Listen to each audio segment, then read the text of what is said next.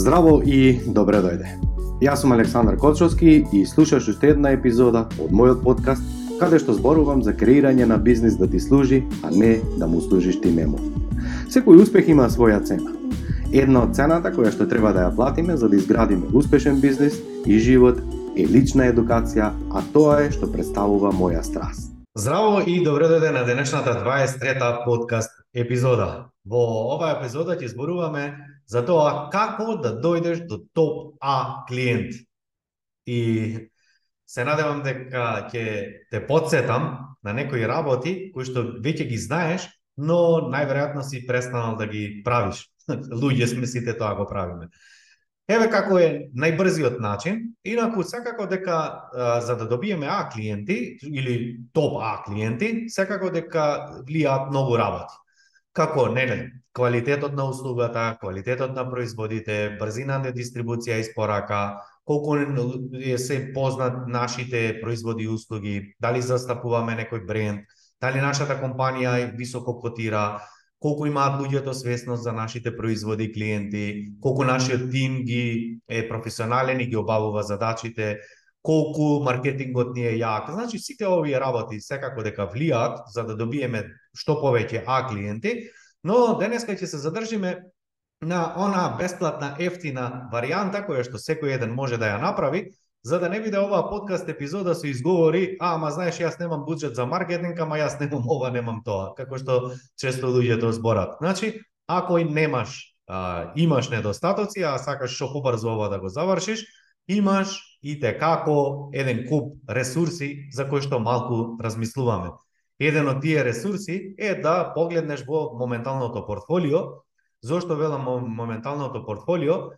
Затоа што нашиот ум знае постојано да ни сервира и да ни комплицира работи, а тоа е секогаш да размислуваме дека во друга држава има подобри клиенти, во друг град живеат подобри клиенти, е да бев ја во Скопје Гевгелија Битола, е да работав јас во Германија кај ќе ми беше крајот, е ја да продавав такви производи, значи глупости, не е травата позелена ниту во кај соседот, ниту во конкуренција, никаде не е полесно, ни еден бизнис не е ниту полесен, ниту потежок. Да продадеш производ или услуга нема полесна, нема потешка, затоа што сето е идентично и поентата е само дали го правиш тоа на вистински начин или може би ти недостасува некоја техника, некоја вештина, некое знаење, а може би и едноставно сето ова го знаеш, но само си заборавил да го правиш. Па првиот чекор кој што секогаш им го препорачувам на луѓето е да направат анализа во собствените ресурси. Значи, ајде погледни што имаш дома, а заборави на момент на негација и она што е надвор од тебе. А поентата е дека ајде погледни и направи список на сите постоечки твои клиенти и само одбери ги со кои се тие А клиенти со кои што најдобро соработуваш, за кои што велиш, е, вакви да имам повеќе, би било топ. Е, токму на тие клиенти мислам.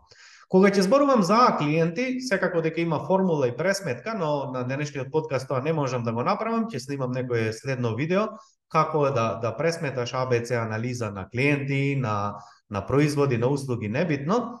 Само замисли дека следно.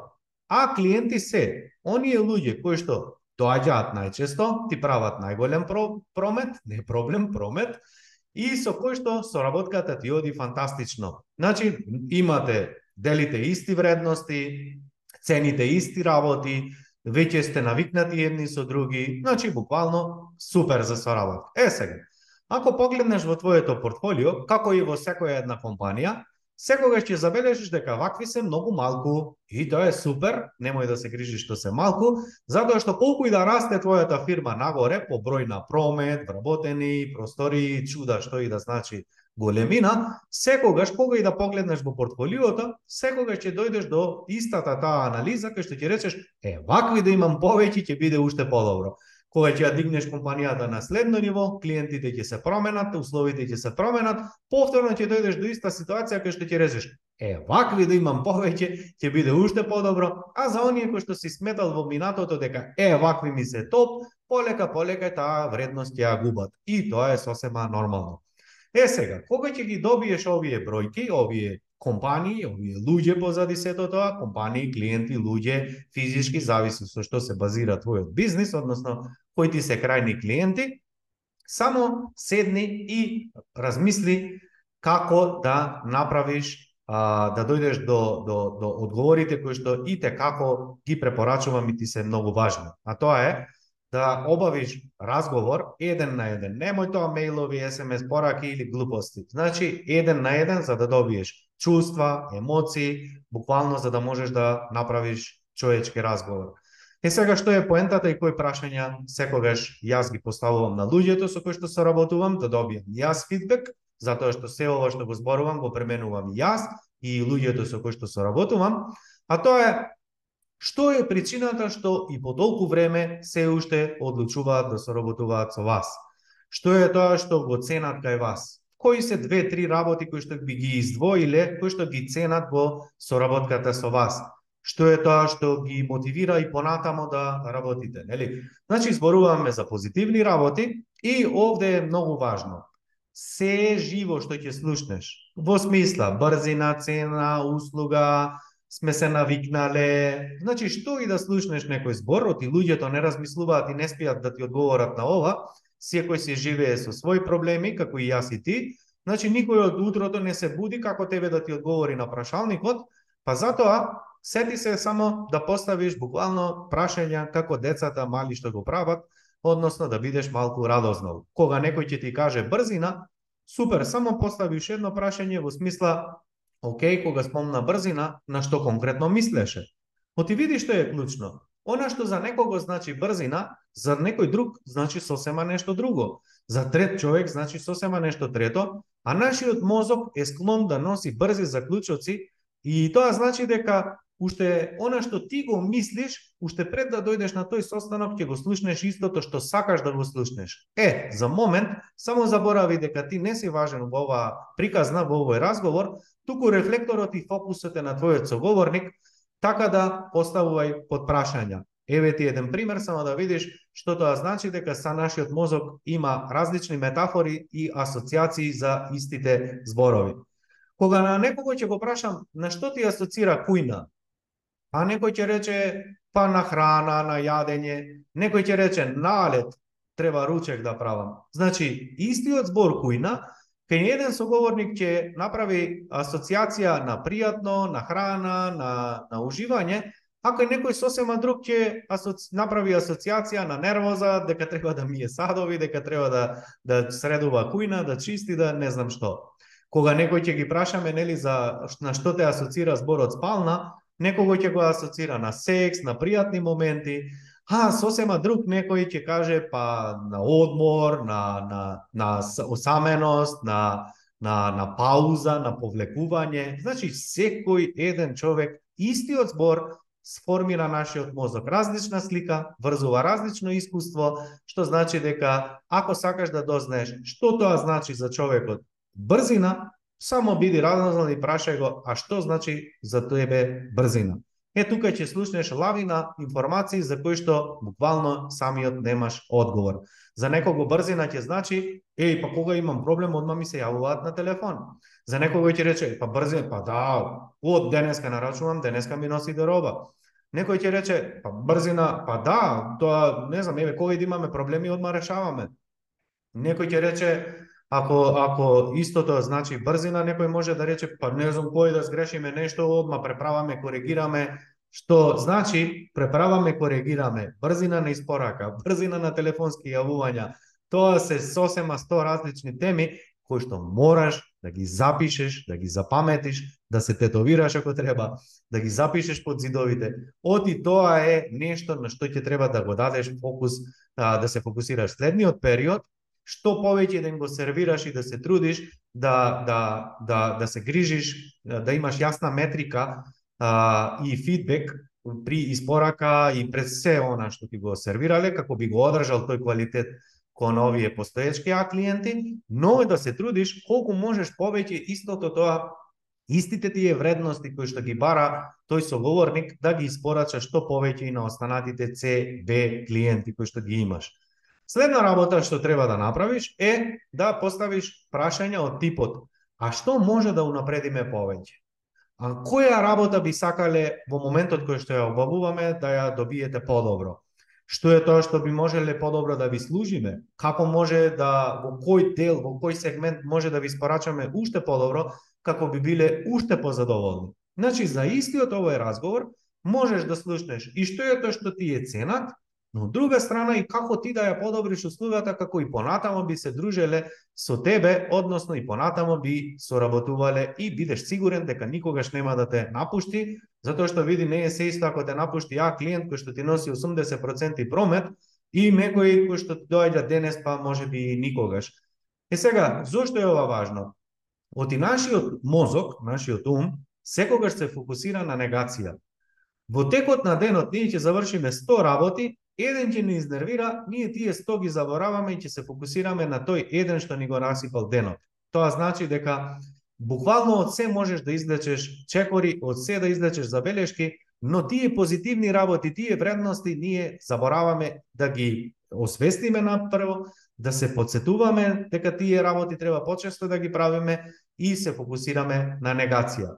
Зошто е ова битно да одржуваме контакт со луѓето, И ќе речеш, па добро, Александра, ова е, ќе добијам ја информација од нив, ќе ги осознавам, сето тоа е вред, но како па сега ја ќе дојдам до нив, до такви да имам повеќе? Па првото правило кое што гласи во животот, а тоа е дека слични се дружат со слични, па еве ти фантастична можност од истиот човек, нели, да пробараш препорака. Тоа значи дека во истиот тој разговор или во некој следен може да да поставиш прашање од типот дали познава или дали би те препорачал на некој пријател, роднина, колега, нели, кој што има сличен бизнис или сличен а, користи слични производи, нели зависи на што се базира твојот а, твојот а, твојот бизнис, така. Што значи дека забораваме на препораките, а препораките се бесплатен маркетинг. Е сега, одиме на следна работа, а тоа е. Ќе речеш, супер, А како сега уште можам на кој начини дали постојат? Колку сакаш. Еден од начините е буквално да седнеме и да размислиме. А како дојдовме ние до тој клиент, до тој човек, до таа господја, до таа компанија, небитно. Зарем веруваш дека постојат случајности? Не секогаш постои некој логичен след, некои конкретни чекори кои што сме ги правеле, но ние може би за тоа не сме биле свесни. Еве ти еден пример за кој што во моментот ми дојде на ум како тоа се случи кај мене. Кога започнав да работам консалтинг, луѓето едноставно не знаат дека јас работам консалтинг и логично дека не можам да тропам од врата на врата, од фирма во фирма, да ти треба консултант, да ти треба консултант, Па наместо тоа јас правев различни семинари, работилници, тренинзи, буквално во сите поголеми градови низ државата. И сега, на тој семинар, тренинг, работилница, небитно, ќе дојдеа 20, 30, 10 луѓе, небитно, предприемачи, и кон крајот по завршувањето на тој тренинг, ќе им дадев анкета да пополнат а, нели, кој од нив е задоволен и кој од нив би сакал да може би да поразговараме за можна идна соработка, секако да нели, да договориме состанок. И сега од, не знам, 20-20 луѓе, половина од нив секако дека ќе дадеа информации, со половината од оние кои што дале информации, огромна беше веројатноста дека ќе соработуваме само прашање е кој период, нели кој е време, секако дека нели колку им е битно сега да го решат тој проблемот, им одговараат условите, не им одговараат. Јас имам капацитет, период, значи секако дека постојат различни услови. Но што е поентата? Како јас добивав се повеќе и повеќе работа? А, како добивав повеќе работа? Така што не знам, еве одам во Скопје, а, работам како консултант нели во одреден бизнис, тој собственик се дружи со луѓе нели од негов калибар и луѓето од неговата околина веднаш ги приметуваат резултатите. Што кои се резултатите? Па организирам бизнисот, нему звони телефонот, отеднаш е повесел, поведар, има повеќе слободно време, нема нервоза која што ја имал предходно, се зголемил прометот, па може би си дозволил нешто инвестирал или си дозволил некое искуство и секако дека нашиот круг тоа го забележува. И сега луѓето нели кога одат на лекар, на кога одат, не знам кога ангажираат консултант, кога одат на психотерапија, на коучинг или што и да е, често луѓето не го кажуваат тоа, мал број е луѓето кои што ги кажуваат тие работи, па кога ќе им постават прашање што е причина, што е, нели, она што довело или кога јас ќе учествувам на некој нивни разговор или на кафе дружење па ќе дојде некој нивни пријател и ќе ме запознаат и ќе кажат еве го консултантот со кој што работав и благодарение на него фирмата ми е денес таква и таква и логично дека луѓето нели прават паралела помеѓу кој бил тој човек и неговата компанија во минатото каков е денес и луѓето природно сака нели и склучувавме договори и така во одреден период, нели, ќе почнев во Скопје да работам, па добивав 5-6 клиенти во истиот тој круг на радиус на движење, ќе одев во Штип, Струмица, Битола, небитна каде и ќе буквално цела година продолжував да работам таму. Но кога и да помислев а, во смисла а што се случува со а клиенти? Зошто, не знам, година дена, 6 месеци, 3 месеци, немам клиенти какви што сакам. Што е тоа што се случило промена да да едноставно го изгубам оној ритам, оние клиенти со кои што би сакал или во иднина да соработувам повеќе. И буквално кога и да седнев да размислувам, секогаш ќе дојдев до овој одговор кој што сега ќе ти го кажам, а луѓе сме забораваме, не сме машини и роботи, нели? А тоа е дека забораваме да ги правиме клучните работи кои што донеле до успехот. Во мојот случај тоа значи дека сум престанал да ги одржувам овие работилници, тренинзините да за државата, каде ме носил бизнисот од препорака на препорака и сум отишол во некоја насока која што не велам дека е добра, но дали е тоа јас како што сум сакал да се движи или не, токму тоа е прашањето за кое што зборувам. Е сега, што беше клучот? Па клучот е нормално дека треба да ја одржуваме таа динамика. Може би не со интензитет идентичен како во минатото, Но поентата е дека забораваме, ќе кажам повторно, да ги правиме клучните чекори кои што не донеле до успех. Е сега, што ова за тебе значи? Кога ќе размислиш и кога ќе ги идентификуваш кои ти се тие А клиенти со кои што сакаш што повеќе да имаш такви, изолирај 2, 3, 4 примери од нив и само размисли кои беа чекорите кои што те донесоа до тамо. Сигурен сум дека нема случајности, туку ќе пронајдеш некоја конкретна конкретна мапа, конкретни чекори кои што ги си ги прават. Може би си престанал да излегуваш на кафе и да се запознаваш пове, повеќе нови луѓе. Може би си заборавил да да се движиш во кругот на луѓе, не знам каде што таму имаш такви клиенти. Може би си заборавил да одржуваш ивенти. Може би си заборавил, значи не знам, колку и да да да да ти давам примери, ова најдобро сам ќе го осознаеш, И, и фантастична е една изјава која што е на Стив Джобс, кој што вели никогаш не можеш да знаеш однапред што ќе се случува, но кога ќе дојдеш до целта, кога ќе размислиш за назад, секогаш ќе пронајдеш точки кои што ќе ги поврзеш и ти било јасно зошто морале да се случат точно и конкретно по одреден терк. А тоа значи дека кога ќе изолираш еден клиент и седнеш да размислиш како всушност дојде до него, ќе ги одгатнеш сите чекори и поентата е, немој да оставаш ова за утре, за утре после нова година, туку веднаш почни, уште веднаш истото тоа да го правиш без разлика дали, не знам, си зафатен, не си зафатен или да почнеш да планираш, затоа што сети се дека на почетокот беше ентузијастичен, на почетокот беше енергичен, на почетокот имаше е само една цел, а тоа е а клиенти, а тоа значи дека со истиот мајндсет, со истиот интензитет, поентата е уште веднаш да почнеш тоа да го правиш, затоа што колку ќе поминува повеќе време, се повеќе ќе ти се јавува внатрешниот глас кој што вели, па што мораш сега тоа да го правиш на 50, па ете имаш ти уште толку вработени, па како луѓе не, значи само сети се дека клучот е веднаш да направиш акција. Оке, ова беше едната варијанта, во смисла имаш веќе бизнис, веќе имаш а клиенти, но што е со оние предприемачи или собственици на бизнис кои што се на самиот почеток и се уште можеби немаат толкава количина и избор како би, не знам, ете, рекле или сватиле, е, вакви клиенти сакам повеќе. Па, поентата е следна. Најголем дел кај што приметувам кај младите предприемачи, кога ќе кажам млади, не мислам на возраст, туку млади во бизнисот, размислуваат премногу и гледаат школски примери или гледаат премногу примери кои што не ги сервираат а, денеска преку а, инфлуенсери, преку социјалните мрежи, често се споредуваат со големи компании, следат различни, а, да кажам, луѓе кои што нели кои што зборуваат на теми кои што се однесува на нивниот бизнис и при тоа гледаат што тие денес прават но тие луѓе малку имаат информации што е тоа што нив ги донело да денес токму тие препораки ги даваат.